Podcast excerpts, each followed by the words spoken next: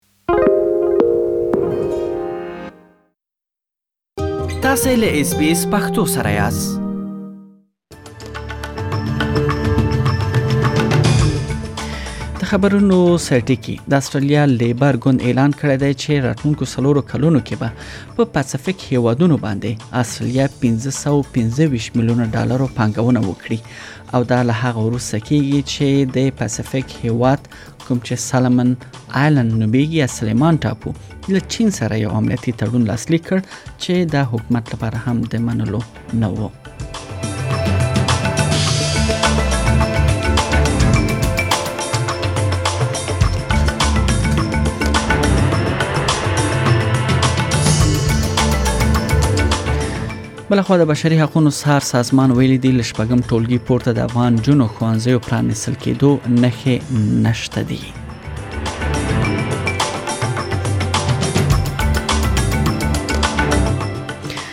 او د استرالیا نیو ساوت ویلز ایالت کې د خونکو اتحادیه پریکړه کړې ده چې سلیری ساتونو لپاره به دوی اعتصاب وکړي معنا دا چې دوی بخپل کارونو ته نزي او دوی د خپل ماشونو خکولو د خونکو کمبود او کاری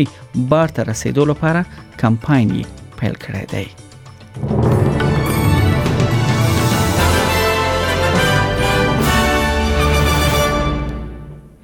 د هم بشپړ خبرونه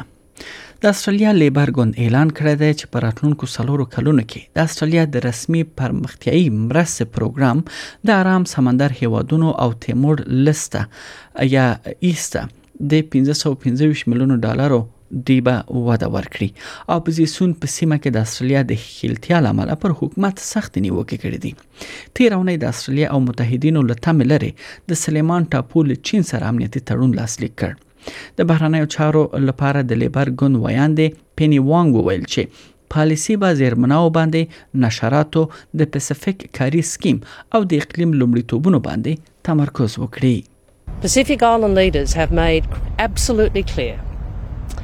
that their number one national security and economic challenge is climate change. And what does Australia under this government give them given them? They've given them the climate wars, they've given them Mr Dutton making a joke about water lapping at their doorsteps, and Mr Morrison thumbing his nose at them. وروسته له هغه چې کارګر ګوند په سیمه کې د اړیکو او لګښتونو د زیاتولو لپاره نوې پالیسي اعلان کړه لومړي وزیر سکاټ موریسن په بحر الکاهل کې د خپل حکومت د ښکیلتیا دفاع وکړه حکومت د پسفیک هیوادونو سره اړیکو لپاره ټاکل شوی وزیر زید سسلجه د چین سره د تړون لاسلیک کېدو څخه یوه اونۍ د مخه د سلیمان ټاپوګانو ته استولی و، ولو حکومت د لا لوړ پوړي چارواکي یاد هېواد ته استولو کې پاته راغلی او لېبر تور پورې کوي چې د حکومت بې غوري د چین او سلیمان ټاپو ترمنځ امنیتي تړون لاسلیک ته لار هواره کړې.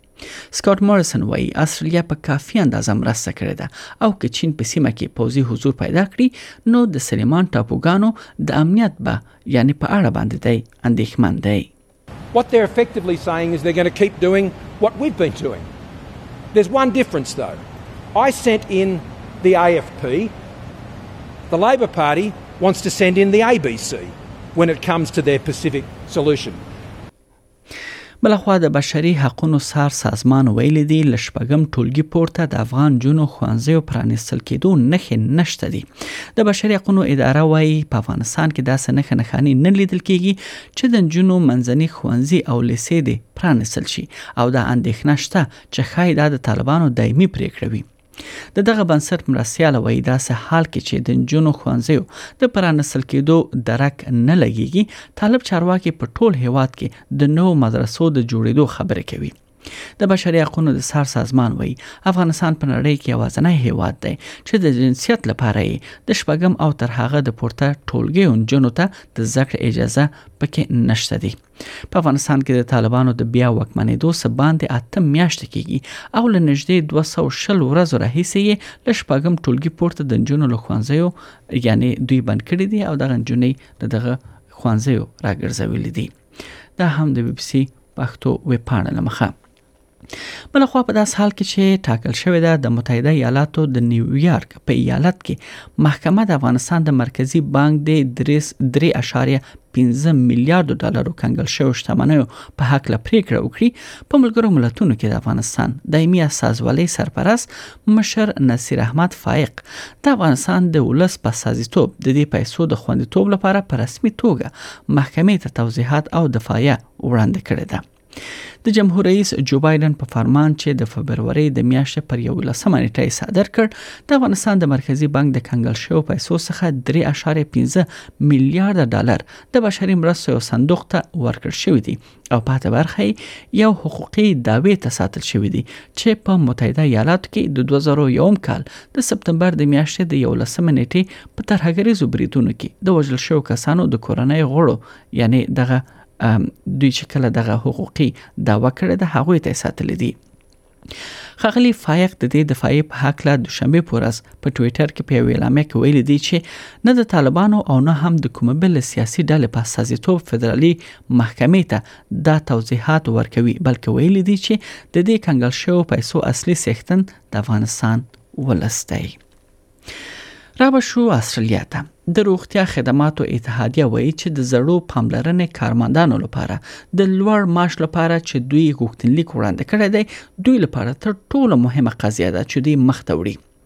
اتحادیه نن د سه شنبه په ورځ د لوړ معاش لپاره خپل مبارزه د عادلانه کاری کمیسون ته وړاندې کړه اتحادیه دا استدلال کړی دی چې غړي د 15 سلنې معاش لوړوالي مستحق دي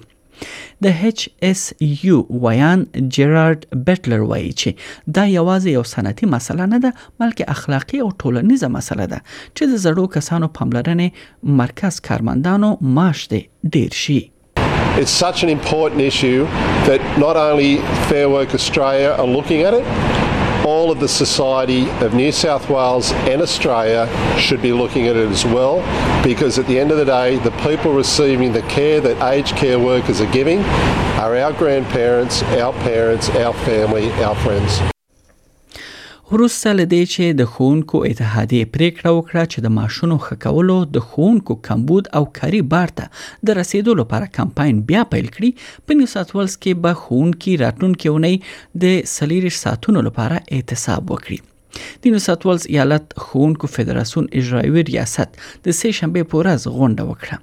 د اتحادیه رئیس انجلو ګرارډسلز وویل چې ښوونکي به د می په سلورمه نیټه چې د چهارشنبه ورځ راځي خپل دند پرېږدي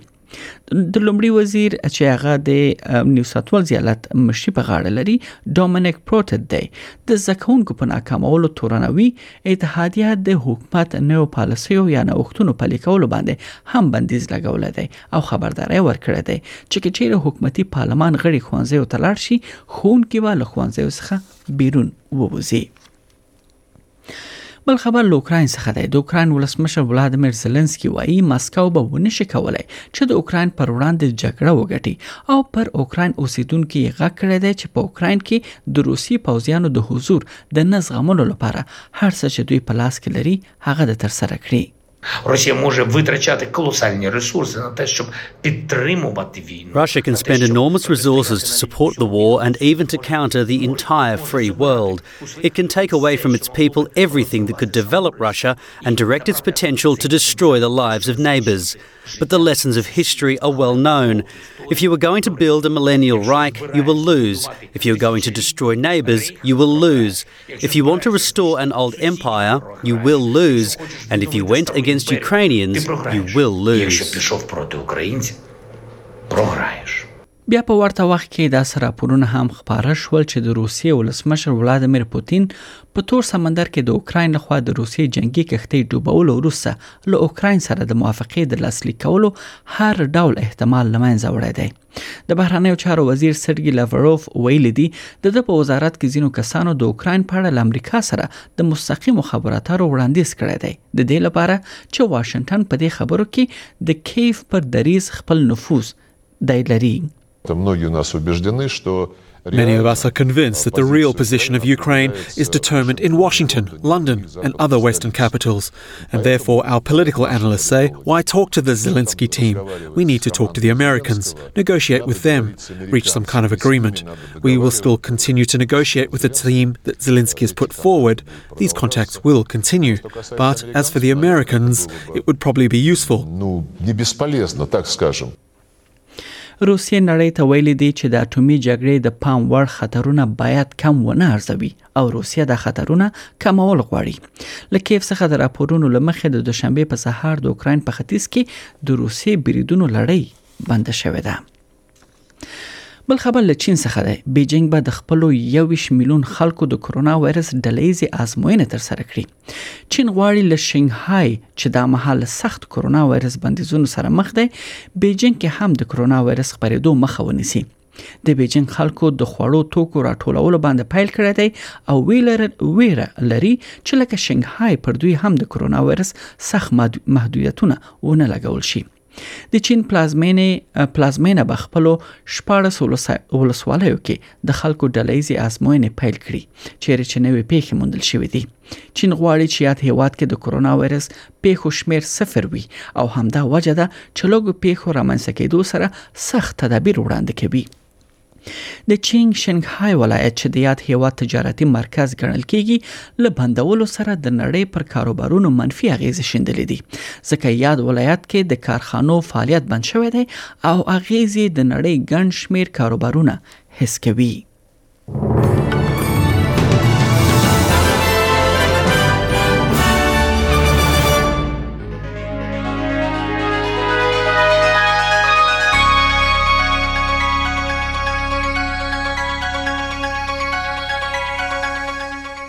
د همدا سولي ډالرو پر وړاندې د زونو بهرانه اسعارو به په نړیوالو مارکیټونو کې یو اصلي ډالر 0.22 امریکایي سنت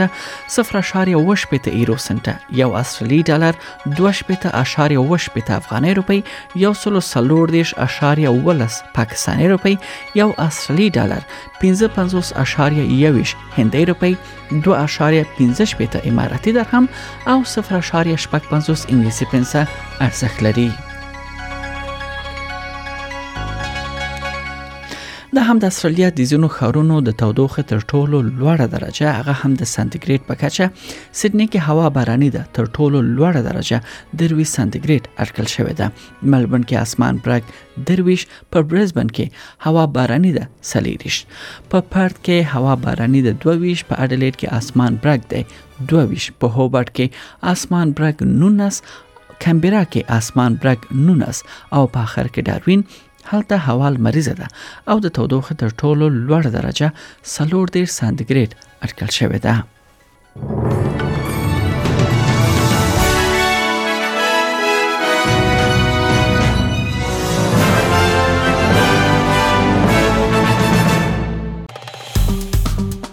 اس پی اس پختو په فیسبوک کې تا کې پلی مطلب یو فاک کړئ نظر ور کړئ او له نورو سره شریک کړئ